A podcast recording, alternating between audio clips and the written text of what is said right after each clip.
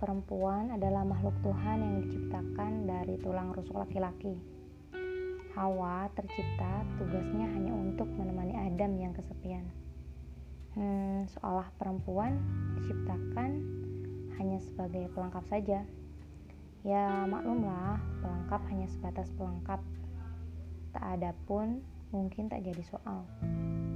Sehingga posisinya sering kali dianggap nomor dua. Perempuan dihargai dan dihormati hanya karena kemampuan mereka mengatur ranah domestik saja. Perempuan hanya memiliki kekuatan dalam sektor informal saja, yang kalau dalam bahasa Jawa itu 3M, manak, masak, dan maca, beranak, memasak, dan berdandan, yang erat kaitannya dengan penempatan perempuan di kasur, sumur, dan dapur yang menyebabkan kekuatan perempuan tidak terlalu signifikan. Maka, para perempuan harus membuktikan bahwa itu tidak benar. Selamat mendengarkan, semoga bermanfaat.